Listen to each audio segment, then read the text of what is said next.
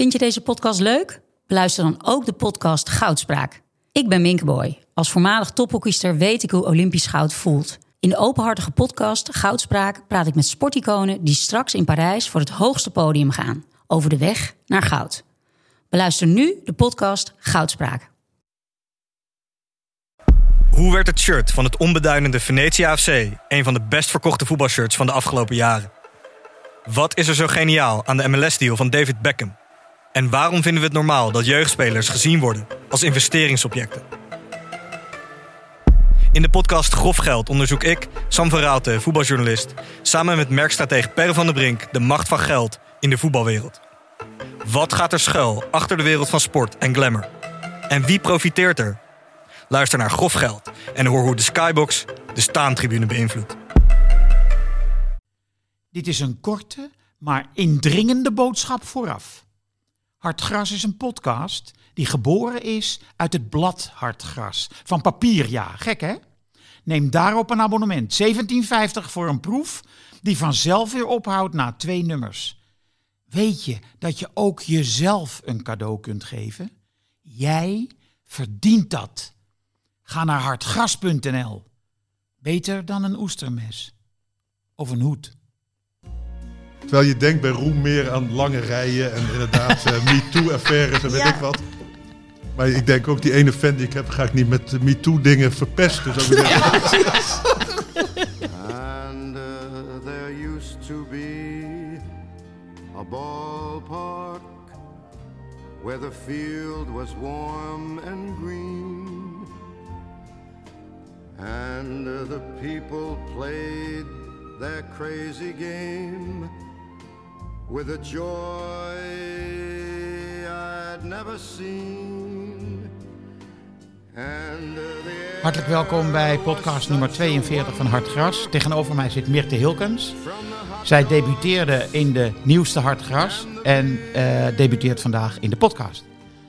Naast haar Frans Tomezen, naast mij Hugo Borst. Mirte, Ja, je hebt een verhaal geschreven over je Limburgse jeugd. ja. Eigenlijk gaat het ook over andere dingen, maar eh, je beschrijft de sfeer van bij jou vroeger thuis in Geleen. Ja, Münstergeleen. Münstergeleen. Ik, ik kom uit Geleen. De rest van de familie woonde in Münstergeleen. En. Oud-Geleen. Je hebt dus eigenlijk drie Geleen-variaties. Eh, wat mij trof is, eh, het werd gedegen en gedetailleerd beschreven, die sfeer. En ik dacht bij mezelf, verlang je daar wel eens naar terug? Nou, misschien op onderdelen. Ik ben ook blij dat ik een paar dingen eh, zelf anders kan doen. maar ik denk, ik heb wel ook toen ik het schreef gedacht... Het is, ik weet niet of dat gelukt is, maar het is te makkelijk om het alleen belachelijk te maken. Dus het was een heel kabbelend leven op zondag. De Coniferenhaag, het was echt zo. En de tantes die kookten en die deden de afwas. En de mannen keken voetbal. En ik was eh, een jong meisje. En ik zat dus de hele tijd, als de mannen voetbal keken, in de keuken. ehm, in de geur van kippenragout of aspergesoep. Mijn tante was eh, ook nog eens heel Burgondisch. En En zeepsop. en zeepsop. Ik, ik snap achteraf niet hoe je altijd afwas kunt hebben. Maar dat kon zij. nee, dus dat, dat mis ik bepaald niet. Maar ehm, dat op hun manier was het warm. Gastvrijheid, weet je. De- dus later zouden wij naar boven de rivieren ver- verhuizen. En ik weet nog dat mijn broer jankend thuis kwam... omdat hij bij een vriendje had gespeeld... waar gewoon de boodschap was, je kan niet mee eten... want we hebben er niet op gerekend. Dat kenden wij oprecht niet. Gewoon, Nee. dat bestond niet. Iedereen had altijd mee. En een begrafenis was dronken worden en nog meer eten dan normaal. Dat, dat mis ik wel aan deze kant van het land waar ik terecht ben gekomen. Ja, want eh, wat mij trof was echt wel een gevoel van nostalgie. Ja, dat snap ik. Want het is een redelijk nostalgische variant op Nederland, denk ik. Nou, het had ook wel iets beklemmends. De, de vrouwen komen er niet, eh, niet goed vanaf. Nee, ja, en dat is natuurlijk het onderdeel wat ik niet mis. Ik ben heel blij dat ik niet in een stoffenwinkel werk. Neem me niet kwalijk. Met alle respect voor de stoffenwinkel, zeg je Met dan. alle respect Ja. voor de stoffenwinkel. Nee, maar ik bedoel, het was voor mijn tante. Dus toen dus de jong was groot genoeg. Ja, dan, dan kon je het je permitteren om toch ook een paar uurtjes te gaan werken. Maar het mocht allemaal, ja, het ging niet om mijn tante. En het was echt zo, dan, dan liep ze even die kamer in waar die mannen dus met jonge klaren en bier en nog sigaretten toen die wedstrijd keken. En dan kwam ze eigenlijk heel lief de borrel bijschenken. En dan zei mijn oom, nu houd ik de moel mee. Mia Maria. Ik, het is trouwens wel grappig, want Hugo dacht dus dat ik eh, de namen van mijn oom en tante had eh, verzonnen. Ja, Omdat ze Maria en Jozef heten. en ik, mijn moeder zei, moet je de namen niet verzinnen? Toen zei ik, maar dit is toch juist zo mooi dat het ook nog Maria en Jozef is. Dat Ja. was gewoon echt zo. En hun zoon Guus werd Greshoes als iedereen gezopen had. Om het af te maken. vertaal even wat eh, net de opmerking was in eh Plat Limburg. Bedoel je, nu houdt de moemie? Gewoon hou je mond, Maria. Ja. Dat was dan als de vrouw dat voetbal speelt. Nou, dat zijn allemaal dingen die ik niet mis. Nee. Dat is een prachtig verhaal. Maar het is eh. een heel goed verhaal, ja. Nou, fijn. En, Ja. en voor jou was ook de, de, de aanleiding. eh, wij kennen elkaar vanwege eh, ouderenzorg, waarin jij wel eens wat advies aan Karin Gamers en, eh, en mij hebt gegeven. Maar jij eh, bent een trouwe luisteraar en jij zei. Ik wil er ook wel eens een keer eh, zitten. En eh, toen zeiden wij van ja, dan zul je wel een verhaal Moet je moeten schrijven voor het gras. Want dat is het criterium. Ja, nou, dat, dat heb jij toen maar gedaan. En daar waren wij wel van eh, onder de indruk. Ja. Ja, zo ging het. Het was moeilijk. Ik vond het moeilijk hoor. Ik dacht, kom ik. Jij belde niet zo heel lang eh, voor de kerst. 6 januari moet het af zijn. En ik dacht, waar de fuck ga ik het over hebben? Want ik ben niet alle dagen druk met de Eredivisie volgen. Ik weet niks van de RKC. Eh, ik volg NAC niet meer. Vroeger deed ik dat wel.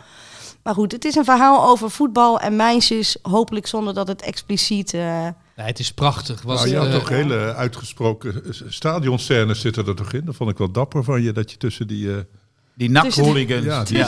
die bierdouches van die eh, dronken dat NAC-supporters. was een bijzonder jaartje, die tribune. Ja. Ja. Want waarom kwam je bij NAC eh, terecht? Jij bent Ja. verhuisd van Limburg naar Breda. Ja, wij, nou niet Breda zelf, maar een eh, dorpje net ernaast. En ik, eh, ik had toen een relatie met een rapper met een gouden tand. Een echte Bredanaar. En die eh, wilde gewoon alleen in vakje G, hè, vakje G. Dat is dan beetje het hooliganvak van NAC. Of althans, dat was zo. Ik weet niet hoe dat nu is.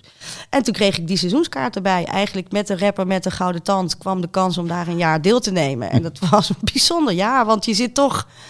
Ja, zeg maar zoals ik in die keuken naar de woonkamer keek, zo zat ik nu eh, tussen een soort eh ubermannen qua ehm, testosteron. Eh, dus het was een bijzondere ervaring en ehm, niet één waarvan ik denk dat had ik de rest van mijn leven moeten blijven doen, maar ik heb er een hoop van geleerd. Ging je ook mee naar uitwedstrijden? Nee, ja, Volendam is dus de enige waar ik mee naartoe ging, omdat het daar voor NAC om degradatie ging.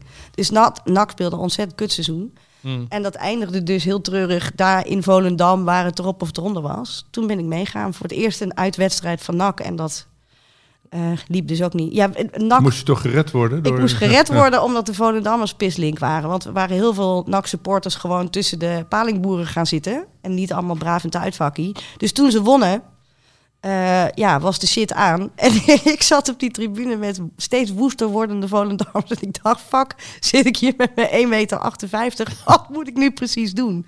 en toen was er één gast uit vak G die mij herkende. Waarschijnlijk omdat er niet heel veel mensen als ik in dat vak zaten. en die zei letterlijk, hé, hey, daar hebben die van vak G. En die gooide me over zijn schouder. En eh, die is met me gaan rennen. Ik wist ook niet waar we naartoe gingen. Ik, weet- maar ik dacht, blijf vooral rennen.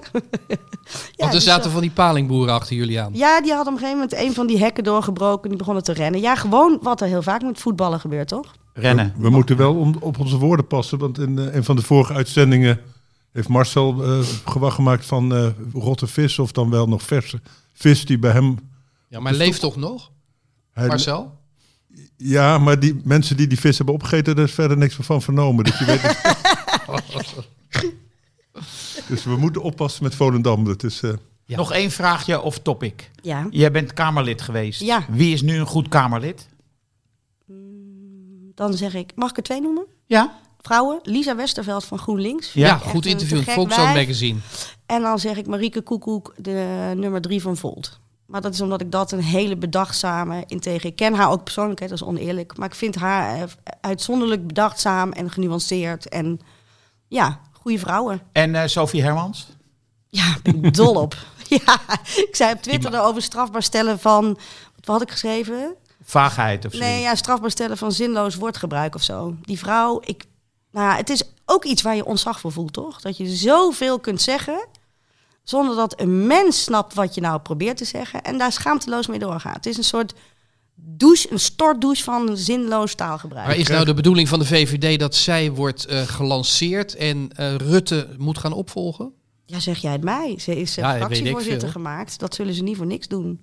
Het is wel te hopen hoor. Dan gaat de VVD Ja, eindelijk... jij ziet allemaal zeteltjes verdampen. ik zie ook kansen.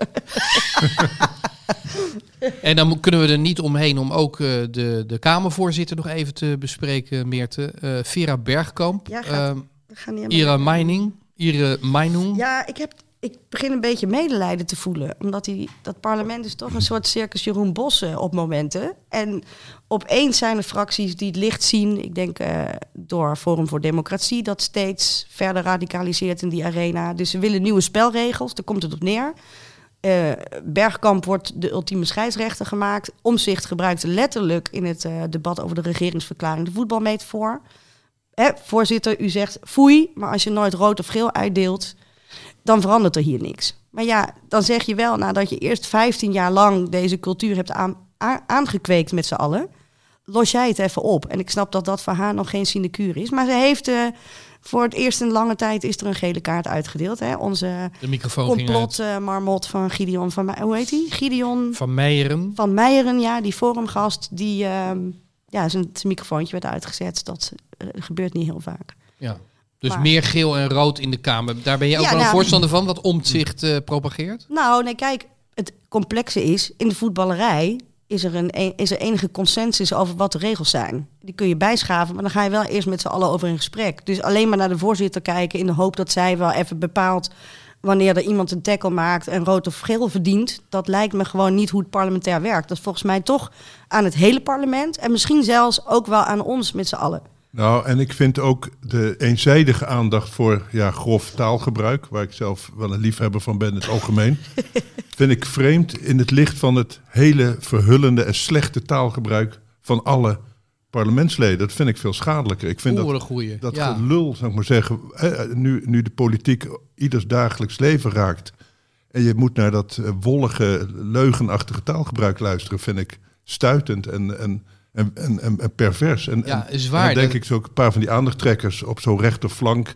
waar iedereen dan over valt. Dan denk ik, ja, dat zijn ook maar een paar van die lulletjes rozenwater die op die manier aandacht Maar krijgen. het zou eigenlijk en mooi meer zijn. aandacht krijgen als- als, ze een rode kaart krijgen. Nou, als er een kaart wordt uitgegeven voor wollig taalgebruik. Hè, dat het niet geel of rood is, maar dat je daar dan weer een kleur voor verzint. Kan je wel aan de gang blijven natuurlijk. Nou ja, goed. Nou, je hebt wel, je hebt wel Kamervoorzitterschap. Vondeling is daarmee begonnen al. Die, die ze kapittelden. Hè, om, en nu wordt er wel gezegd, je mo- moet wat korter spreken. Maar in, dat, in die korte tijd slagen ze toch in om allerlei luchtbellen te produceren. Ja, het is wel een beetje waar. Ja, Sophie Hermans zou in het geval van zo'n kaart een nieuw ja, die, behang... eh, een die permanent kan, spreekverbod. Die kan hele flats eh, behangen. Ja. Als we daar Nee, gaan jij hebt je aantal woorden voor het komende jaar al op. Nou, jij mag niet meer. Ik ben opeens heel erg voor deze kaart. nou, voordat het een, eh een solo-voorstelling Nee, wordt, gaan eh, jullie Meerte. lekker over voetbal praten? Nou, ik kijk even naar Frans, want eh, voordat we het vergeten. Maar er zijn weer wat doden te betreuren, Frans. ja, ik ben een weekje weg geweest. En eh, ze vallen weer bij bosjes. Nee, ik, heb er twee, ik heb er twee uitgekozen. Ik moet zeggen, geen van beide, beide heb ik ze heel vaak zien spelen. Maar dat is bij doden. Maar wel Vaak. Duitsers, hoop ik. Er zit een... eh, Een Ossie. Een- Ja, een, een echte cult-Duitser zit erbij. Die is zo cult dat niemand hem eh, kent. Ja, maar Oost-Duitsland zijn ze gek op hem. Oh, heerlijk. DDR. Wie? Hij is naar een eh, wc-type vernoemd, Dixie Durner. Dixie Donna? En hij eh, gold in Oost-Duitsland eh, als eh, nou ja, de, de Beckenbauer van, eh, Van het communisme. van het communisme. Het zegt mij niks. Nou, hij heeft in dat elftal gespeeld in eh, dat met Jurgen Spaarwasser. Als Ja. de oudere luisteraar dat nog iets zegt. Die, die- Oh, toen won Oost-Duitsland op het WK 74 74. van West-Duitsland. Ja, ja. en daar was hij een van de spelers van. En hij is mij toen ook eerlijk gezegd niet... Nee. eh, Maar dat was een waterballetwedstrijd, toch, Henk? Eh, ik, ik herinner me de omstandigheden niet heel Ja, goed, wel maar- de uitslag. Maar Dixie, die is, die- dat was een, eh, ja, ik heb wel beelden nu teruggezien. Een hele, ja, laat ik zeggen, elegante voetballer. Onduits zou je dus willen zeggen. Maar die, die eh, bij Dynamo Dresden eh, altijd gespeeld heeft. En eh, hij lijkt ook een beetje op Ballack. Dat is ook een Oost-Duitse voetballer geweest. Ook, hè. En eh, hij wordt erg gemist in, eh, in Dresden en omgeving. Ja, dat kan ik me voorstellen. En hij is aan ouderdom gestorven. Nee, Alzheimer. Dus de bekende, Alzheimer. ja. Ah, Alzheimer is, slaat weer toe in de voetbalwereld. Ja. Dat gebeurt heel vaak. Dus, eh, en vrij jong, in be- begin 70. Ja. Dus het is een hele, nou ja, minuten stilte en zo in, eh, in Dresden. Maar je hebt toch een kans, als hij uit de DDR komt, van 1 op 4 dat hij toch een informant was van de Stasi. Want ik heb wel eens begrepen dat dat, dat gehalte zo hoog was. eh, eh, dat dat ja, iedereen spioneerde eigenlijk in de DDR. Iedereen die verlinkte elkaar wel. Ja, maar ja, als hij Alzheimer had, eh, is daar weinig van. Daar is weinig van over. Wei- weinig Hebben we altijd hangen. nog de Stasi-archieven. En die zijn zo groot dat ze nog, nog steeds maar 10% hebben ontsloten. Hij kwam wel uit een hele mooie plaats die Görlitz heet. Ja, dat klinkt dat, goed. Dan zie je toch de SS-tekens wel eh, opflakkeren. Klinkt als een, als een, als een eh, concentratiekamp. Girlies. Eh, de ene dode is de andere niet, maar ik vrees niet dat je over deze heen kan. Wie is die Jawel, andere? jawel. De, de, dat is eh, Gento. Gento. kun je- Paco Gento. Paco. Paco Gento, ja, de, de fameuze linksbuiten van Real Ja. Madrid. Ik, ik heb hem zelf nog wel één keer zien voetballen, denk ik, op eh, televisie. Misschien tegen Feyenoord? Tegen Feyenoord, ja. Ja. Toen de, dat is de beroemde wedstrijd eh, met Koentje, Koentje, wat doe je nou? Dat- Koentje ging achter een speler aan. Ja, Ja. Koentje werd eh, gehaakt, geloof ik, door Piri of weet ik wat. En die raakte daar zo van streek dat, eh, nou ja, ondanks zijn eh, kleine gestalte, hij niet schroomde om... eh, Hij heette volgens mij Hiera of Viera, die eh die, Spanjaard. die het deed. Oh ja. ja. Maar misschien dat En- we nog eh, kunnen instarten dat commentaar. eh, van Bob Spaak. Bob Piet Kruiver ging lopen schoppen. Die schopte er eentje om. Maar goed, hij eh, had als bijnaam, dat heb ik wel op moeten zoeken, La Galerna del Cantabrico. Wat betekent dat? Dat wist ik ook niet, dat heb ik ook weer moeten opzoeken. Dat is een, eh, een, een, een, een windtype. de noordwestenwind die eh, bij de Golf van Biscayen begint en dat hele Spaanse hoogvlakte leeg veegt. En dat is een eh, hele koude wind waar niemand tegen bestand is. En vooral de schippers op de Golf van Biscayen die hebben daar zware tijden mee. Dus het is eigenlijk een metafoor, heb ik begrepen, voor wat hij de verdedigingen aandoet waar hij doorheen raaste. Maar die wind is voor goed gaan liggen. Maar de wind is gaan liggen en eh, de schippers kunnen veilig oversteken. Hij heeft eh, volgens mij zes Europa Cups gewonnen, hè, Gento? Hij is de kampioen, eh, wereldrecordhouder eh, Europa Cup 1, dus Champions League zeg je nu. Zes keer. Vijf keer met dat eh, elftal van Di Stefano en de zesde keer met de Yeah Yeah generatie. Dat was eh, met Amancio en Peri en zo. We zijn 66 is, kon het wel ja, die hadden lang, lange haar en hij was nog van de. Oh. de ouderwetse koep, kort met de scheiding, wat een Spanjaard betaalt. Opgeschoren achterhoofd. Ja, Ja. echte Spaanse koep had hij. En de, de rest liep met eh, Amancio en zo liepen met haren over de Oh. oren. Nou, eh, dank. Eh, we zijn weer helemaal bij. Hou, blijf het in de gaten houden. Chef dood. We zijn altijd dankbaar. Ehm, Mag ik jou een hele korte vraag stellen? ja, Eh, Sparta verloor, doet verder niet ter zake. Jury de Kamp, hoe was hij?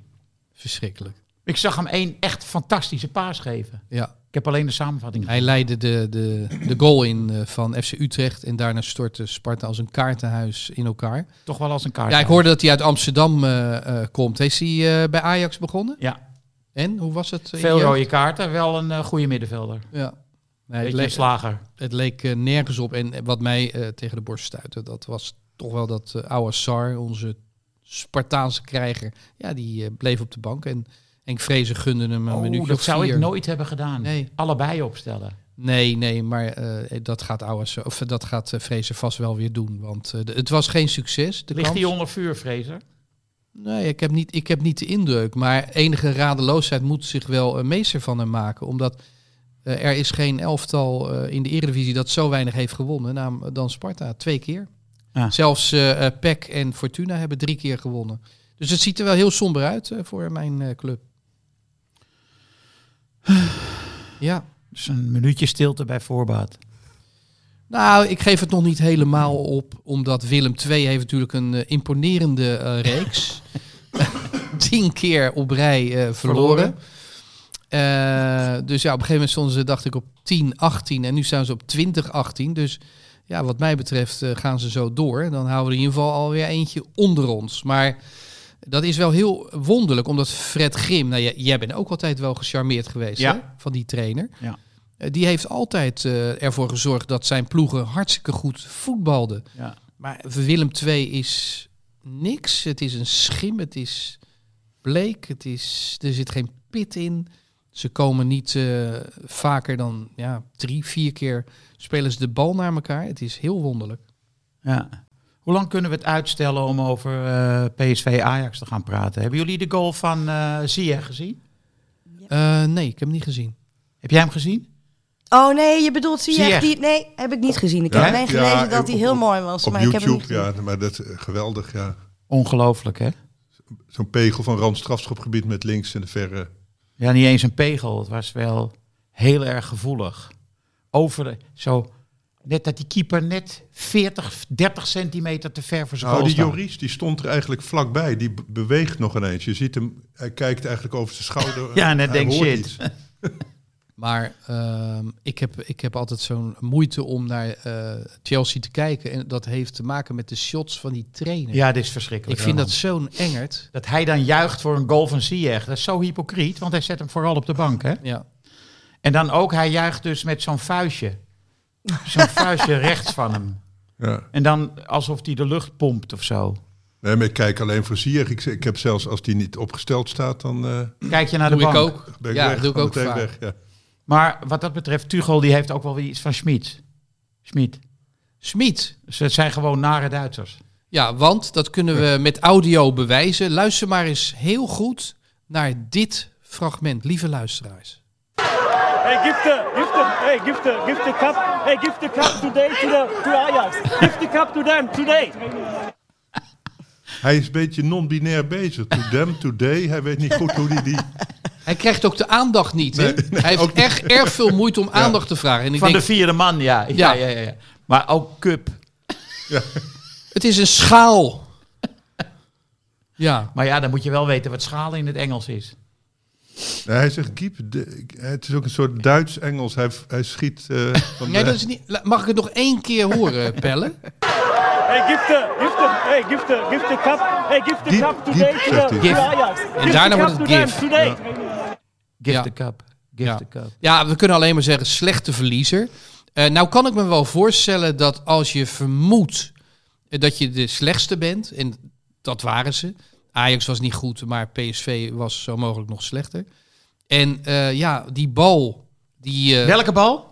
nou ja, ik Nee. durf, het, ik durf het hier bijna niet aan te kaarten. Nee. Er was op een gegeven moment een Een moment soort unspeakable bal. met, met Daily Blind. Ehm, en de vraag was, was hij nou over de lijn of niet? En daardoor hebben we, daarvoor hebben we Meerte Hilkens uitgenodigd. Ja, van wie bekend is eh, dat zij eh, eh, een LOE-cursus eh, wiskunde heeft gevolgd in haar vrije tijd. zelfs die haalde ik niet hoor, maar ga door. In de tijd dat jij... hoe, zo lang zat je in de kamer? Twee jaar. Twee jaar. En toen heb je je wachtgeld natuurlijk gepakt. Nee. Nee, hè? Goed was dat. Ja. Waarom deed je dat eigenlijk niet? Nou, dat had twee redenen. Eén, ik had, ik had zelf toch wel fouten gemaakt, inschattingsfouten. De eerste is misschien te denken dat ik een goed Kamerlid zou kunnen zijn.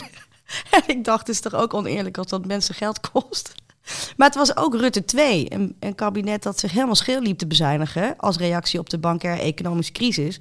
Het regende nieuwsberichten van, eh, weet ik veel, bestuurders die met gouden handdrukjes, hè, die eerst de hele woningbouwcorporatie aan gort schoten en dan ergens op een eh, Antilliaans eiland in de Ferrari, eh of waar reed die gast Maserati, in? ja. Maserati, dankjewel. En ik dacht, ja, ja, ik had zelf zo'n behoefte aan mensen die zeiden... nou ja, het is, hè, Bassie kan het meenemen, maar Bassie kan ook zeggen... laat maar. En ik dacht, ja, ik red me vast. Misschien dat dat terugblikkend enige zelfoverschatting in zat. Maar goed, je leeft, je leert. Ja, nou, kijk, als jij uit de kamer stapt... En wat heb, gebeurt er dan? nou ja, ik heb nooit met modder gesmeten. Tenminste, in mijn eigen herinnering heb ik dat Hoe echt, was eh, Samson, je grote vriend? ja, dat... Nou, laat ik gewoon meer Ze algemeen smijt niet zeggen... met modder. Ik ben, niet, ik ben gewoon niet van het clubgevoel. Hè? Dus NAC was ook meer toeval dan... Ik heb, dat zit niet zo in mijn aard. Dus de PvdA zal dit bevestigen. En hij en ik waren niet elkaars beste vrienden. Maar wat ik eigenlijk wil zeggen is... Als je opstapt, onderschat je misschien... eh, hoe de buitenwacht daarna een poosje naar je kijkt. Ja, dat terugblikken denk ik... Want ben je dan Jezus. afvallige? Besta je niet meer? Nou nee, bij mij was het eigenlijk raar, want ik werd dus voor allemaal, ik werd bijvoorbeeld in een van de Old Boys Network uitgenodigd voor dineetjes en zo. Dat had ik van mijn leven nog nooit gedaan. Maar ja, als vakgever van NAC dacht ik, ja, leer ik misschien ook weer wat van. Dus zat ik opeens met allemaal eh, bestuurders eh, te dineren. En ik vroeg me op een gegeven moment af, toen ben ik ook gestopt met gaan van, wat is eigenlijk mijn rol hier? Want kwamen mannen terug uit, weet ik veel, Qatar of waar ze geweest waren. Ik heb, eh, weet ik veel, 10 miljoen in Qatar gedaan. Wines on me. En ik zat daar wachtgeldloos te koekeloeren. van, waar ben ik in terecht gekomen? En later dacht ik... En misschien was mijn functie een soort vitrinestukje. Weet je, van leg die daar maar op een glazen plaatje. Want die heeft een autonome keus, nooit met modder gegooid. Bijzonder. Maar dan moet je vooral niet vragen of ze al een nieuwe baan heeft. Want dat kan alleen maar gezeik opleveren. Zeg maar, dat gevoel heb ik een poosje meegedragen. Dat ik toch als een eh, lopend risico werd gevoeld. En hoe heb jij je uiteindelijk herpakt? Want het is alweer een jaar of zeven, acht geleden. Wel lang geleden, ja. ja. Ik weet eigenlijk niet of ik me ooit heb herpakt. Geen idee. Nee, je Ik zit, je zit hier. Dat is ook geen aanbeveling Nee, hoor. ik wou zeggen, word je ook niet rijk van? Nee. Nee, nee, nee, dat klopt. Nee, ja, ik heb geen idee, jongens. Ik ben maar gewoon... eh, ik doe gewoon waar ik gelukkig van word. En, eh, ik, maar om nou te zeggen... Ik, heb, ik zou niet eens weten waar komt mijn visitekaart. Ik heb hem niet, hè. Maar stel, ik zou zo Nou, je hebt zijn. ons, Karin Gamers en mij, toen heel goede adviezen gegeven. Ik heb jullie geholpen. Ik heb de campagne voor het kinderpardon als stratege geholpen. Ik heb, nou, zo heb ik wel meer campagnes. Ik heb de Volt-campagne eh, bij de laatste verkiezingen gedaan als strateeg. Dus ik ben veel van buitenaf gaan proberen soms dingen een beetje ten goede te keren. Dat is wel gelukt met die Volt. Ja, drie zetels was voor het eerst wat ik... eh, En de volgende verkiezingen meer. Dat zeggen de peilingen, hè. Ik ga Ja. hier helemaal niet in clichés over Maar peilingen. je gaat niet, zo'n eh, zinloos gesprek. je komt niet op die lijst terecht uiteindelijk. Nee, ik ga denk ik niet gauw nog terug. Zeg eh, nooit nooit. Nee, ik, dat zeg ik niet. Maar niet gauw. Maar zo je iets bent, dan ben je dus ook geen nakker. Ehm, ben je dan eh, misschien een twitteraar, Stur? Ja, maar daar betaalt ook niemand je voor. Nee. Het beste aanbod dat ik door Twitter heb gekregen... is of ik eh kaas fondue uit blik wilde testen. En? bedoel, Wat schuift dat? Niks. Gewoon blikken kaas fondue. Maar dat is, echt, dat is ongeveer geen- het niveau van mijn dat is geen aanbod, dat is een, een doodsbedreiging. Zo ervoer ik het ook. Ik heb ook echt principieel geweigerd. Hoeveel volgers heb je? Geen idee. 22.000, iets achtigs. Ben jij, Henk? Eh, eh, volgens mij kwam ik dit weekend net boven de 12. Jullie volgen elkaar intensief. Zeker, maar ik volg Twitter, dus ik zie meer te- elke dag verschijnen. Ik Henk ook. Ja. Voordat jullie denken dat het aan mij ligt. Henk, Henk is ook druk hoor. Ehm, ja, dit programma komt natuurlijk mede tot stand dankzij de bemoeienissen van Toto. Eh 18 plus. speelbewust 18 plus. En eh, we gaan deze week voorspellen wie de Afrika Cup gaat winnen. Althans, daar gaan we een poging toe doen. Meerte, jij mag beginnen. Ja, ik volg het op de voet, dus ik zeg zonder twijfel Cameroen. Cameroen. Meerte Hilkens zegt Cameroen. Daarmee kan je verdienen 4,15 euro voor 1 euro. Zie ik staan. Jij Frans? Nou, ik denk dat het een finale Cameroen-Ivoorkust wordt en dat Haller eh, Onana verschalkt. Dat hoort niet bij de voorspelling, maar die Krijgen we er gratis bij. Ja. Ja. Nou, ik houd op Marokko. Hoeveel verdien ik dan? 6,45. Eh, ik ben heel erg tegen Marokko. Eh, omdat die coach, die heeft zowel Mazraoui als eh Ziyech in de ban gedaan. Die daarop hebben geantwoord, niet, niet toe, geheel toevalligerwijs, door allebei een formidabel doelpunt te maken di- dit weekend. Eh, dus eh, ik gok op eh Ivoorkust ook. Côte Hmm. d'I- Côte d'Ivoire. Goed, moeten we Jesser nog bellen over Egypte? Wat kijk je nou? ja, maar Jesser komt overal voorbij met zijn voorkeur voor Egypte. En als Egypte is uitgeschakeld, is het Marokko. Want hij heeft eh, van beide ouders wat. Aha, Ja. oké. Ehm, dat eh, maakt het sprongetje naar eh, de afgelopen week. eh, PSV Ajax wel heel erg klein. Henk heeft al Ja. een paar keer... Wat? je hebt al een paar keer... Nou, maar ik kan me niet voorstellen. Nou, ik- laat ik het zo zeggen. La- Laat ik, zo zeggen. ik wist niet, ik wist niet dat God fouten kon maken. Henk, Je hebt het over Schmid? nee, je weet over wie ik het heb. de, de broer van Kruif. De broer van God. Nee, de broer van Timber. Zo zeg, dat was echt een fout. Wat een fout zeg, Henk. Dat is echt een totale concentratie. Ja, maar dat zat dus niet in je... Ik heb hier gekeken op jouw blaadje. Jij neemt altijd zo'n blaadje met aantekeningen. Ik zie nergens Timber fout staan. Nee, maar dat ligt zo voor de hand dat we het daarover hebben. Het was echt een verschrikkelijke fout. Maar nu zeg jij toch wel jouw vertrouwen op in deze voetbal. Nee. Nee? Hij, hij was daarna, heeft hij eh, de gelijkmaker voorkomen van PSV. Door een ongehoord mooie tackle van achteren met heel veel risico. Maar waarbij hij zo overduidelijk de bal speelde dat eh, zelfs PSV'ers hebben niet geprotesteerd. Nou, wacht even. Wat hoor ik daar? Nee, lu- luister goed. Hey, give the, give the, hey, give the, give the cup. Hey, give the cup today to the to Ajax. Give the cup to them today. Het is evident. Hij zag duidelijk wel een overtreding van Timber. Ja. Eh, sorry, God. Maar luister, die, ehm, dat PSV, ik bedoel, ze hoeven toch niet in eigen huis te verdedigen? Ja, maar daar is toch niks aan verboden? Ik vind het zo'n onzin. Eigen huis. Ze zijn minder dan Ajax. Waarom zou je aanvallen? Nou, ik zag eh, van de week toevallig Telstar, eh, PSV Telstar. En Telstar heeft de eerste 20 minuten, een eerste divisieclub, PSV zo onder druk gezet dat die gewoon er niet onderuit konden voetballen. Dus, eh, ik kijk even naar Frans. Jij bent Telstar-expert. Heb je, heb je het Ja, gezien? nee, geweldig. Ze hebben ook eh, jong Ajax verslagen. Ze zijn goed in vorm. Telstar. Nee, maar het, het kan makkelijk. Ik bedoel, als PSV nou gewoon volop druk zet. Je weet, Ajax kan daar niet tegen. Dan ga je dat toch proberen? Met, met zulke snelle en hele goede voorhoedespelers. Ik vond Doan wel goed spelen gisteren bijvoorbeeld. En eh, Gakpo, die, ja, die, eh, die heeft niks aan dit systeem. Nee. Dus eh, nog even afgezien van het incident. Gutsen was wel erg goed trouwens, dat doelpunt. Hè? Ja, ja. Goed afgemaakt. Ja, Ja. ja. zeker. maar hij had nog wel meer goede dingen. Ja. Maar zijn cijfers zijn wel beroerd hoor. Die zijn niet Tot nu best. toe. Ja. Was dit zijn eerste goal dit seizoen? Nee, de, Of sinds een nee, tijdje? tweede dacht ik. Maar, eh, Maar ook weinig die, assist. Die bejubelde Veerman nou niet eh, beter. Hè? Er werd net gedaan als je Gutsen eruit kunt zetten en Veerman erin. Ja, maar de assist was wel van Veerman. Dus Ik vond hem ook niet zo geweldig, Veerman. Eh, viel niet ontzettend op, kon niet eh, het middenveld in handen nemen, maar had toch een assist. Ja, maar verder werd hij toch vaak werd de bal afgepakt van hem. Vroeger heten. Kijk nou uit, we zouden Volendammers leuk bejegenen. Oh ja, oh ja. Sorry, sorry. Ik, en als je vis stuurt, dan graag eh de zeebaars. En, Jij krijgt alleen de koppen. En de Waar graten. je, waar je een lekkere soep van kan trekken, trouwens. Ja.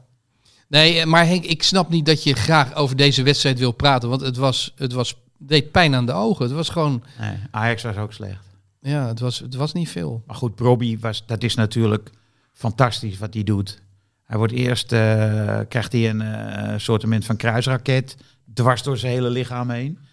En daarna is hij in staat om op te krabbelen en dan omhoog te komen. Moet je je voorstellen wat een pijn dat doet als je eh, een bandblessure hebt aan de binnenkant van je knie en je moet toch opspringen. Dat moet, hij moet echt pijn hebben. jij weet het, Henk. Nou ja, Eén treetje, treetje. traptreetje en het, eh, het kan Nee, maar fout gaan. Ik dacht dat hij net neerkwam op zijn linker. Met een beetje met behulp van zijn rechter. Maar ook dat moet weer enorm pijn hebben gedaan. Het neerkomen. En daarna kreeg hij op het verkeerde moment, op het verkeerde punt, een zetje van Anthony. Zag je dat? Anthony kwam Ja. naast hem lopen en die duwde hem die om. achterlijn, hè? Ja, ja. Jezus, zijn eigen speler. Meerte, Bobby. eh, Ja, ik heb met een half oog gekeken, maar dat was eigenlijk het enige moment wat ik heel mooi vond. Ik vond het heel heroïs. Je zag ook dat hij meteen na het maken van het doelpunt snel buiten de lijn weer pijn ging liggen lijden. Maar dat was daarom natuurlijk heel mooi doelpunt. In een, inderdaad verder vond ik totaal saaie wedstrijd. Ja, maar eh, jij mag wel in de, in de mannenkamer. eh, is er een mannenkamer? Nee joh, ik kijk gewoon op mijn eigen beeldscherm in de keuken. In de keuken. Nee, dat is een grap. Natuurlijk, ik kijk, ja, ik kijk waar ik wil. Nee, eh, een heel groot scherm in de kelder. En dan kijken mijn kinderen dan ook. Dat zijn eh, echte Ajaxiden. Kunnen die een hele wed- wedstrijd volhouden? Inmiddels, nou, ik moet zeggen, mijn zoon zeker. En ik, ik voel bijna ontzag voor zijn eh, vermogen om al die spelers, dus niet alleen Ajax, hè, bij hem. ehm, ja, ik snap bijna niet hoe het kan dat je op je negenjarige leeftijd als een semi-commentator eh, ook iets weet te vertellen over een speler die inmiddels een transfer had en nu, of de naam van de scheidsrechter, of dat is bij mijn zoon eh, zorgwekkend eigenlijk. En mijn dochter die wil nog wel eens in slaap vallen. Maar het ligt eraan hoe laat de wedstrijd is. Maar je dochter is een goede voetballer, toch? Nou goed, die speelt in tweede. Eh, Eerst in de dorpsclub, maar dat is toch nog wel ingewikkeld aan meisjesvoetbal. Je moet dan in een relatief kleine gemeenschap maar net genoeg meisjes hebben die het leuk vinden. En in onze gemeenschap wint hockey. Dus ze speelde heel lang als negenjarige tussen de dertienjarigen, wat echt zielig was. Ja. kind werd soms door midden getrapt, maar ze gaf niet op. Dat vind ik wel echt leuk aan haar. Welke club is dat? Ja, als ik dat zeg, dan weet iedereen waar ik woon. Het is echt een heel klein dorp. Mm. Irritant. Maar ze zit nu in ieder geval bij HFC. Dus ze is eh, naar Haarlem overgegaan, omdat daar meer meiden voetballen. En eh, ja, ze is er heel serieus in. Bloedfanatiek. Ja. Ja. want zij jaagt in het verhaal dat jij voor Hard Gras hebt geschreven op een handtekening. Ja, ja, nou, ik dacht... Zij was dus negen toen ze naar Ajax Business Lounge mee mocht. Allemaal bijzonder. Nou, dan heb je dat handtekeningen momentje. En kwam pisseling thuis avonds. eh, omdat Tagliafico iedereen een handtekening eh, gaf, behalve haar. Dus die was echt de lul. En Saki Zwart was er ook. Die zag een verdrietig kind en dacht, nou kom, traantje weg. Dan ga ik met je op de foto. Maar dat zei dan natuurlijk geen reet. Nee. Wat weet zij? Dus ze zei letterlijk: En wie de fuck is Sjaak Zwart? En ik dacht: Ja, snap ik, weet je wel, dat dat niet als troost voelt. Ondanks dat het een hele leuke foto is. eh, juist omdat zij ook echt pissig en ontevreden naar Sjaakje staat, die zijn best doet. Maar ehm, nee, ik probeerde eigenlijk mezelf als negenjarige haar. Want voor mij was Ja. het nog veel meer, denk ik, voetbal iets waar je onderdeel van wilde worden in een zoektocht naar die wereld waar jij een beetje bij weggehouden werd. En zij heeft hem zich al lang toegeëigend. Dit, en dat gaat allemaal nog met eh, groeipijnen, want er zijn dus te weinig kinderen om nog hele teams mee te vullen. Dus het mag allemaal, het, is niet wat de jongens doen. Maar voor haar is het in ieder geval geen vraag dat zij gewoon hup op dat middenveld hoort te staan. Maar wat is nu haar eh, idool? Is dat, een, is dat een, een man of is dat een vrouw die voetbalt? Nou, Dat Nederlands, de Leeuwinnen, zal ik maar ja, zeggen. zij is wel, ja, Lieke, hè? ja, daar kijkt ze toch naar, ja. En dat snap ik ook. Je kijkt natuurlijk naar eh, waar je zelf ooit bij zou kunnen horen. En dat is nou iemand niet naast Tadic eh, op het veld. Dat Nee. is bij Lieke.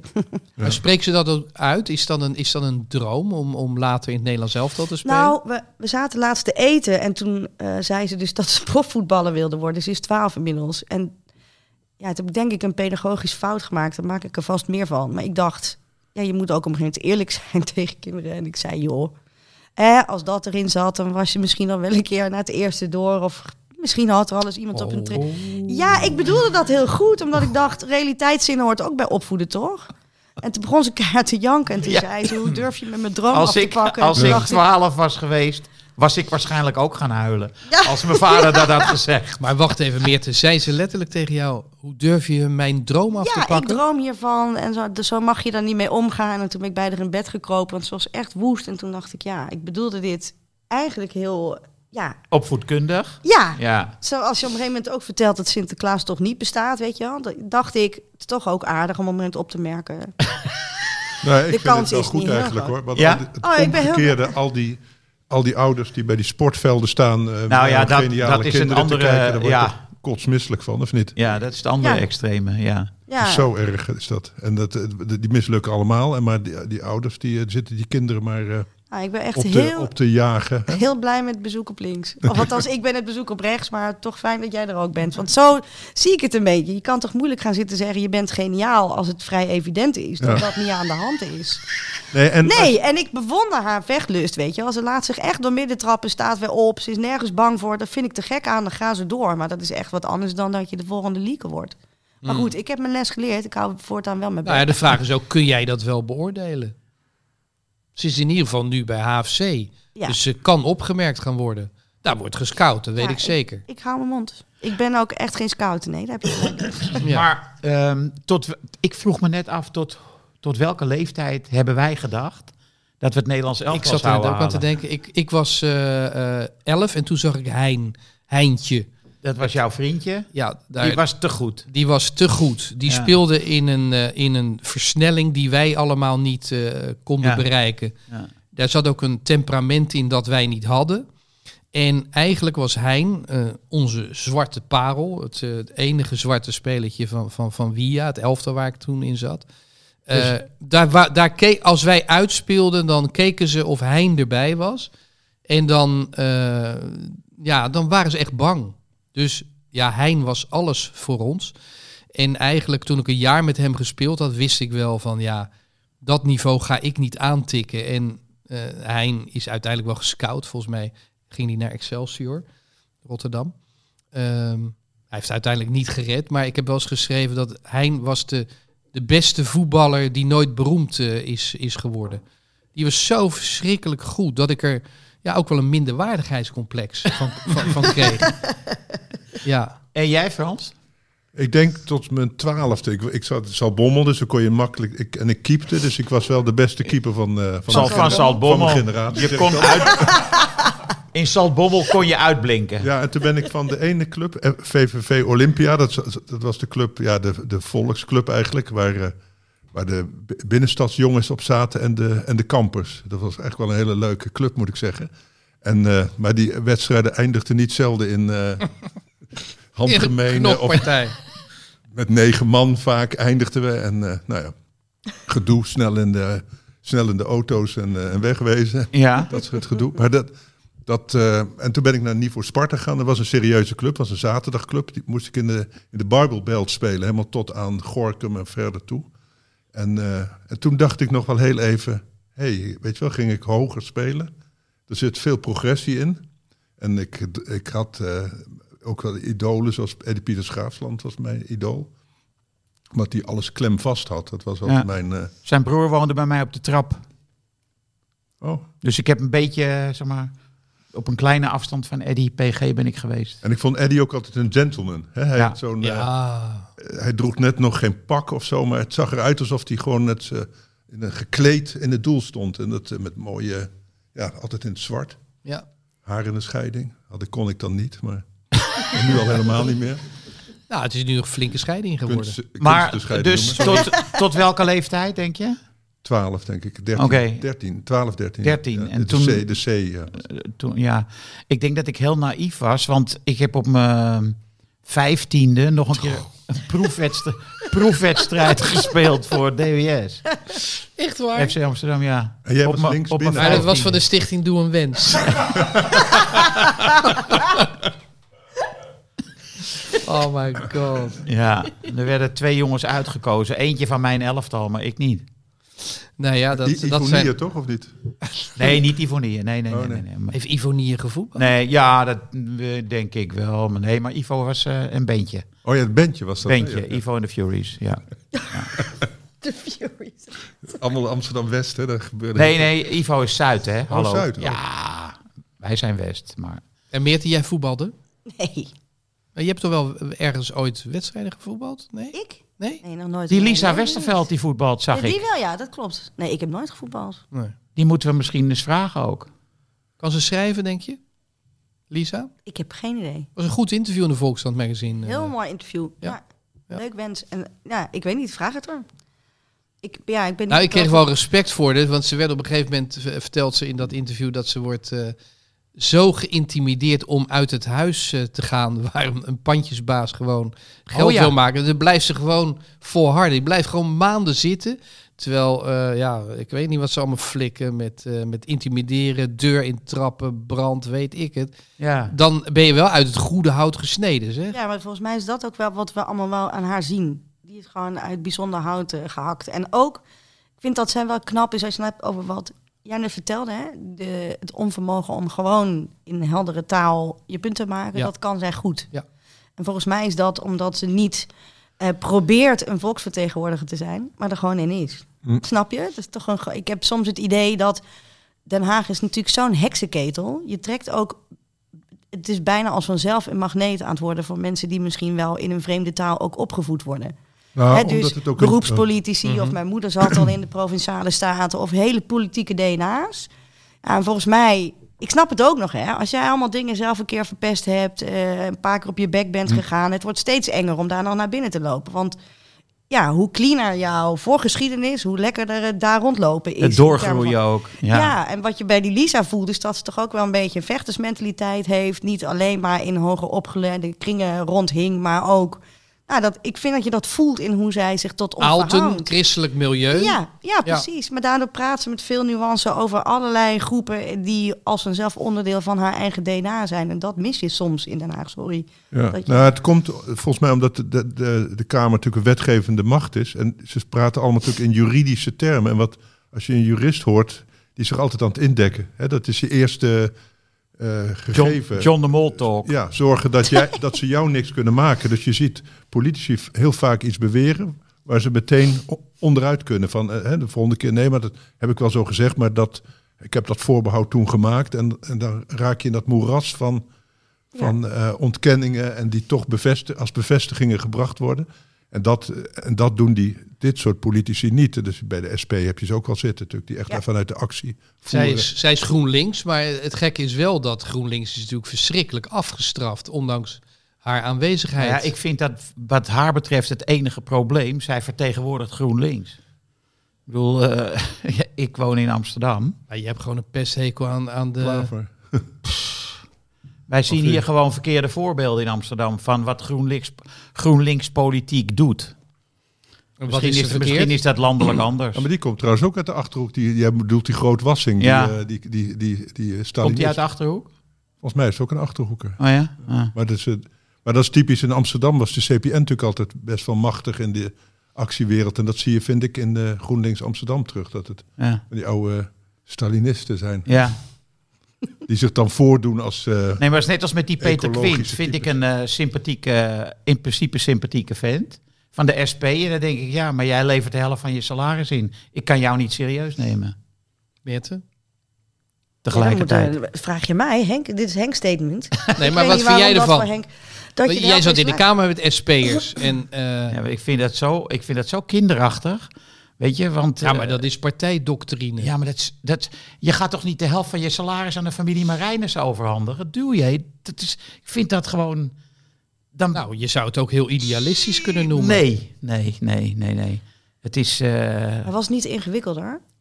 Ik weet het niet, whatever. Nee, ik heb hier gewoon niet zo'n mening over. Doe, ja, doe wat je moet doen. Of wat goed voelt, I don't know. Mm. Ik moest bij de PvdA destijds, volgens mij droeg je 500 af of zo. Per jaar. Nee, volgens mij van je, ik weet het niet meer. Maar wij moesten ook iets in de partijkas achterlaten. Maar niet de helft. En er werden rozen voor gekocht dan. Ja, en dan kreeg ik daarna mijn flikker omdat ik ze niet mee ging uitdelen. Oh, dat wilde jij niet. Nee, nou, ik was, ik, kijk, zo, ik heb vroeger ook in kledingwinkeltjes gewerkt en zo als student. En ik was ook nooit zo degene die dan meteen op de klant afliep en zei van, hoe kan ik je helpen? Omdat ik dacht, ik hoor het wel als je me hulp nodig hebt. Maar misschien heb ik mensen te serieus, dat mag je me verwijten. En dat vond ik ook met die rozen. Wat is het nou voor een rare, sorry, Ja. maar wat is het nou voor een raar concept dat je denkt, we gaan eens lekker een middag op de kaasboer. Het is ook altijd op de markt, alsof Nederland zich in volledigheid alleen maar op de markt treft, weet je wel. Ja, en nou, dan dit zou ik daar opeens een goede volksvertegenwoordiger... Nee, dat geloof ik gewoon niet. Ja, sorry, dan mag je misschien... Ja, Nee, maar het is dat- ook een symboliek van likmefestje natuurlijk. Zo'n roos. Ja, maar ook sowieso. Heb jij nou ooit, omdat je een politicus op straat tegenkwam... die Nee. een flyer in je hand dacht, nou, ge- duwde gedacht... nou, nu, ik verander compleet van gedachten. Nee. Nee, dus ja, wat sta ik daar dan te doen? Ja. Nou ja, Trump is er wel eh, succesvol mee geworden. Die laat ze wel naar hem komen, maar ook een soort rozen uitdelen in principe. Nee, die, maar- die rallies, dat is toch eh, aandacht hebben voor, voor die mensen die je rechtstreeks... Ja, Jesse Klaver, idem dito dan. Ja. nou, Werkt voor sommige mensen wel. Ja, voor mij niet, maar liever niet. Hey, wa- hey, wat vonden jullie van Martinez, dat rollen? Nou, daar had ik wel over willen beginnen. Dus ik ben blij dat je het aansnijdt. Jezus, ik schaamde me wel. Ja, dat is heel erg. Maar goed, die heeft natuurlijk die hele Latijns-Amerikaanse opleiding gedaan met het vak intimidatie. Ja, maar dan kan je En- toch wel beter rollen. Ik vond het Nee, gewoon... maar dat is het goede juist, vind ik, van deze actie. Dat het zo overdreven was dat het geslaagd is. ik denk dat bijvoorbeeld mannen als Lothar Matthäus heel erg opgewonden raken van zo'n actie. Dus je rolt, je pijn, pijn en ineens schiet je te binnen. Ik lig nu buiten de Oh, lijnen. shit, ik moet dat is niet handig, want dan word ik buiten de lijnen verzorgd. En dan rol je terug. Het was net alsof de band weer werd teruggespoeld. Nou, het, het zag er niet uit. het, was, het, was, het deed denken aan die eh, ploeg tegen wie Ajax moest. Getafe. Ja, Ja. dit was... eh, ja. Die met die aansteker, die met dat witte haar. Dat gebleekte haar, die ja. afschuwelijk, ja. Als Nee, u weet was- wie er bedoeld wordt, beste luisteraars, Het eh, was stuur geen, een briefkaart. en eh, dan zullen we eens kijken of we nog een prijsje hebben. Het was geen eh, briljant moment voor Martinez. Die natuurlijk wel een goede wedstrijd speelde. Ja, Alvarez die was wel slordig, hè? Een paar paasjes uit. en- Laatste kwartier was Oh. Alvarez ongehoord goed. Ja, ja, maar Henk... Ik krijg steeds meer mensen die zeggen tegen mij... Kan Henk ophouden over Laatste- Alvarez? Laatste kwartier. Alsjeblieft. Ik zeg laatste kwartier. Hij had alles, man. Ja, maar goed, Hij laatste kwartier. overal tussen. Dan is het toch volgens mij een hele wedstrijd voorbij gegaan dat die kut was. Nou, dat was hij zeker niet. Nou ja, nee, het laatste kwartier was hij goed. Maar wat was hij daarvoor dan? Ehm, mm, had hij momenten, maar Slordig. was hij ook niet, e- echt niet slecht. Eh, En niet eens matig. Jij blijft het volhouden tot aan je dood, hè? Ja, zeker. nou, ik weet niet of Alvarez zo lang voetbalt. Wacht even. Heb je iets te melden? Nee. Nee? Oké. Zou je het fijn vinden als eh, de, de chef dood je uitluidt in deze podcast? Ehm, ik was er nog niet aan toe hoor. Of doen we een specialtje van Maar 50 om minuten? Zelfs de gedachte toe te laten vind ik al eh, dubieus. Je moet de boel niet jinxen, hè? Eh Meerte, Ja, je zit naast je, nou, held, idool. Jij hebt een brandende vraag, weet ja, ik. dat is wel echt zo, ja. Want ik vertel dat ik als muziekjournalist begon ooit. En er is een liedschrijver, Towns Van Zandt. Ja, oh. Je Ja. schreef er een prachtig verhaal over waar ik echt schuddebuikend eh mee in bed lag. Eh, je gaat naar Emmen, schrijf je. Ja. Daar treedt hij op in een tent. Er is ook een braderie. Het is een, het is een wat treurige achtergrond voor Towns. Ja. Ik, is het echt gebeurd? Dat wil ik eigenlijk even weten. Daar kan ik geen eh, mededeling over doen. Het is, eh, sommige verhalen moet je niet eh, kapot checken, zoals het in de journalistiek heet. En voor de literatuur geldt het helemaal. Dit betekent een nee. Ja, dat dacht ik ook al dat ik hem zo moest horen. Maar het is wel een heel mooi verhaal. Het is wel in hogere zin natuurlijk wel echt gebeurd. Ja, in je hoofd. is, Ja, op papier. Nu is het echt. Ik heb wel eens een keer met Towns een hele middag in eh Amerikaan gezeten. Gewoon echt, eh, weet je wel, uren en uren dat ik dacht, hoe kom ik hier weg? Want op een gegeven moment, ja, hij drink- dronk nogal. Hij dronk nogal, dus het werd wat minder samenhangend eh, op een gegeven moment. En van die, van die, van die pure whiskies, weet je wel. Dat. Maar dat verhaal moet je nog schrijven. Nee, dat heb ik ooit in de Haagse Post geschreven. Ja, ingekort, want het- ik, veel kon ik niet kwijt. Want het was eigenlijk een introductie voor de Towns, want niemand kende hem. Dus ik heb toen eh, bijgedragen aan zijn eh, bescheiden roem in Nederland. En niemand kende hem, dus je ging... Ik was de enige die hem interviewde en hij was zo blij. En hij zei, kom erbij en dan gaan we nog hierheen. En hij wou met mij gaan gokken in eh, Holland Casino, want hij was gokverslaafd. Vlakbij, ja. En ik zei, nou, de- die Haagse Post betaalt ook niet zo goed, dus dat doe ik liever niet.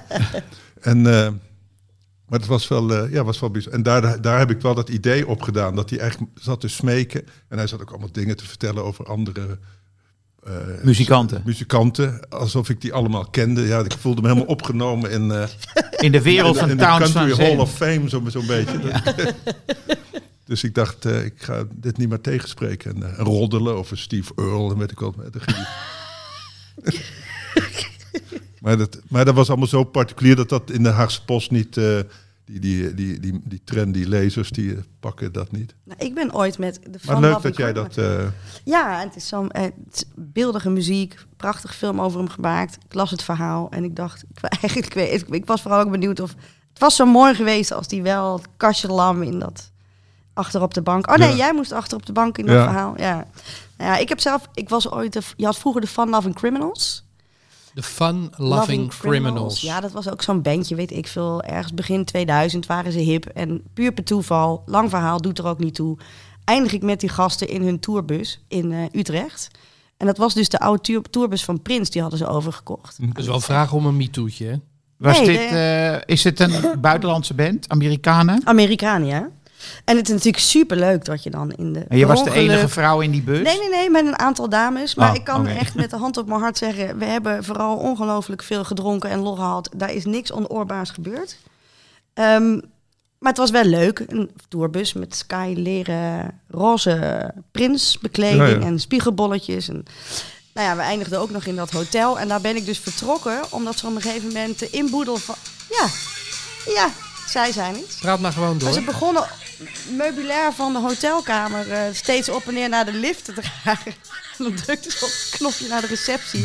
En dan kwam er steeds een liftje met weer een bureaustoeltje. En toen dacht ik, ik ga maar. Het was ook al heel laat. Maar ja, dat zijn ja, bijzondere eh, toevalligheden. Want dat was dit ook. Wat jij over Towns ook vertelt. Ja, Ik vind het is wel eh, zo, wat wel echt is, die, die, die mensen hebben natuurlijk zo weinig status. En zelf zit je dan in het verre Nederland alles van hun te bewonderen. En dan blijkt dat, dat je een van de hele weinigen bent eigenlijk. en, en dus dat, dat zij dat dus fantastisch vindt. Dat is eigenlijk een, en ik herken het nu als schrijver ook wel. Weet je wel? Dat je denkt, hé, hey, iemand eh, vindt het goed. Weet je wel? dus het is... Terwijl je denkt bij Roem meer aan lange rijen en inderdaad eh MeToo-affaires en weet Ja. ik wat. Maar ik denk ook, die ene fan die ik heb, ga ik niet met MeToo-dingen verpesten. Zou ik zeggen. Is ook zonde. Ja. Niet doen. Maar, maar, dat is, maar dat is bij die, met die mensen allemaal. Dus ze leiden echt een heel marginaal leven. En dat draagt bij, vind ik, aan de aantrekkelijkheid ook van die muziek en van die levensverhalen. Eens. En het zijn een soort van verloren nachten of zo. Snap je? Die van Am dat gebeurde gewoon bij een shawarma tent. Waar die gasten ook maar in een stad neerdalen waar ze daarvoor nog nooit van gehoord hadden. Dat zijn gewoon, ja. Nee, Ja. Ik heb natuurlijk wat langer in die muziekwereld rond. Maar dat vond ik eigenlijk het mooist van die hele wereld. Ja. Die verloren nachten met mensen. Ja, waar jij dan inderdaad Ja. muzikaal ontzag voor voelt, maar die zelf. Ja, want het mooiste verhaal wat ik daarvan zelf heb ik niet zelf mee geweest. Mijn vriend J. Kessels, die Ja, echt werkelijk idolaat is van die muziek. Daar, daarom ben ik er ook in ge- gerold. Hij was mijn eh, gids in dat, in dat wereldje. En hij ging ooit, voordat ik eh, hem goed kende, is eentje naar Austin, Texas om, om al die helden te zien. En onder andere Town van Zandt, die trad in een of andere loesje hotel eh, op. En dan was hij ongeveer de enige met, die, met de vriendin van Towns, die een beetje moest opletten dat hij niet te veel dronk. en, ze, en zijn geld al opgezopen had voordat het uitbetaald was. en, toen, en, en hij zat dus met die vriendin. En die vriendin begon hem te, aan hem te, te zitten. Want Towns, ja, die dronk zoveel, die eh, seks, zou ik maar zeggen. Dat was, De vriendin van Towns ging aan J. Kessel Aan J. zitten. een omgedraaid Oh ja? MeToo'tje. Ja, ja. En, en die Kessels, die, die, waar die zat, die zag er- zijn held voor het eerst eh, live. Dus die dacht, blijf maar maar af. je ik zit naar die muziek te luisteren. En uiteindelijk was... het- Towns ging zo lang door. Misschien dat hij van die vrouw af wilde en wachtte tot J. Kessels eh, de klos was. Maar in ieder geval, op een gegeven moment zei die, heeft die, eh, die, die uitbater van dat ding, die zei, ja, nou is het genoeg. Die, die trok zijn stekker eruit en die, zei, die gaf Towns wat geld. En nou, en nou is het mooi het licht, licht aan. Weet je wel. En, die, werd, en die, die vriendin werd nog, eh, ja, die kwam achter hem aan. En toen ging er ineens een deur, zei Kessels, er ging ineens een deur achter het podium open. Z- Zag je gewoon een parkeerplaats. Oh. En hij werd gewoon met die gitaar op zijn rug, weet je wel. Oh. Deur uitgeduwd, die parkeerplaats op. Dat, eh, Ja. En die Kessels beteuterd achterlatend. Hoe lang heb jij dat gedaan in de popmuziek? Schrijven? En, en voor wat voor media? Ja, ik schreef voor Oor.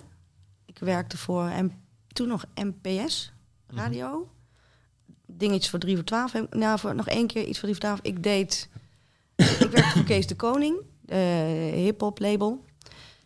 Ja, een beetje van alles door elkaar. Toen, maar muziek was wel echt mijn allereerste en altijd ook gebleven hoor, grootste liefde. Vandaar dat je ook aan die rapper eh, bleef hangen met die gouden tand. Ja, precies. Nou, daar ben ik niet heel lang aan blijven hangen hoor. Nee, Was het een rapper met een zachte G? het was een rapper met een zachte G. Oh, dan, Oké. is hij, dan is hij niet doodgeschoten.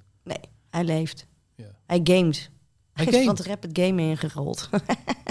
Toch goed besluit om daar niet al te lang aan te blijven houden. Sorry. Maar waarom pak je dat eh, genre niet eh, weer op? Schrijven voor, over popmuziek. Nee. Wat dan? Nee. Eerst moet Limburg af. Ja, Hè? Limburg moet af. Ja. Voel ik een roman aankomen? I don't know. Ja, ik ga hier even zitten groot spreken. I don't know. Ik ga straks wel een borrel drinken. Of althans een bakje koffie, Henk. Henk is bang dat ik te veel borrels drink. ik heb Nou ja. tussen kerst en nieuwjaar te vaak op Twitter gezegd dat ik iets met de wijntjes had te doen. Dus ik wil Henk nu niet meer verontrusten. Dus ik ga een kopje koffie drinken. En daarna een thee en vroeg naar bed.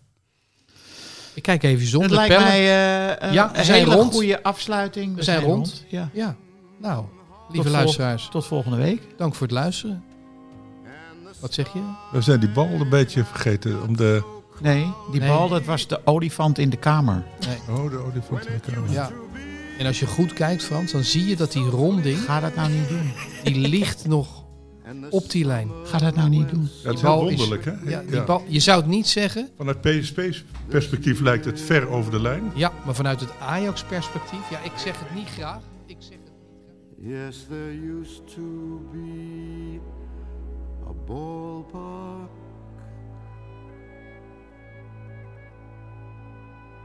Right here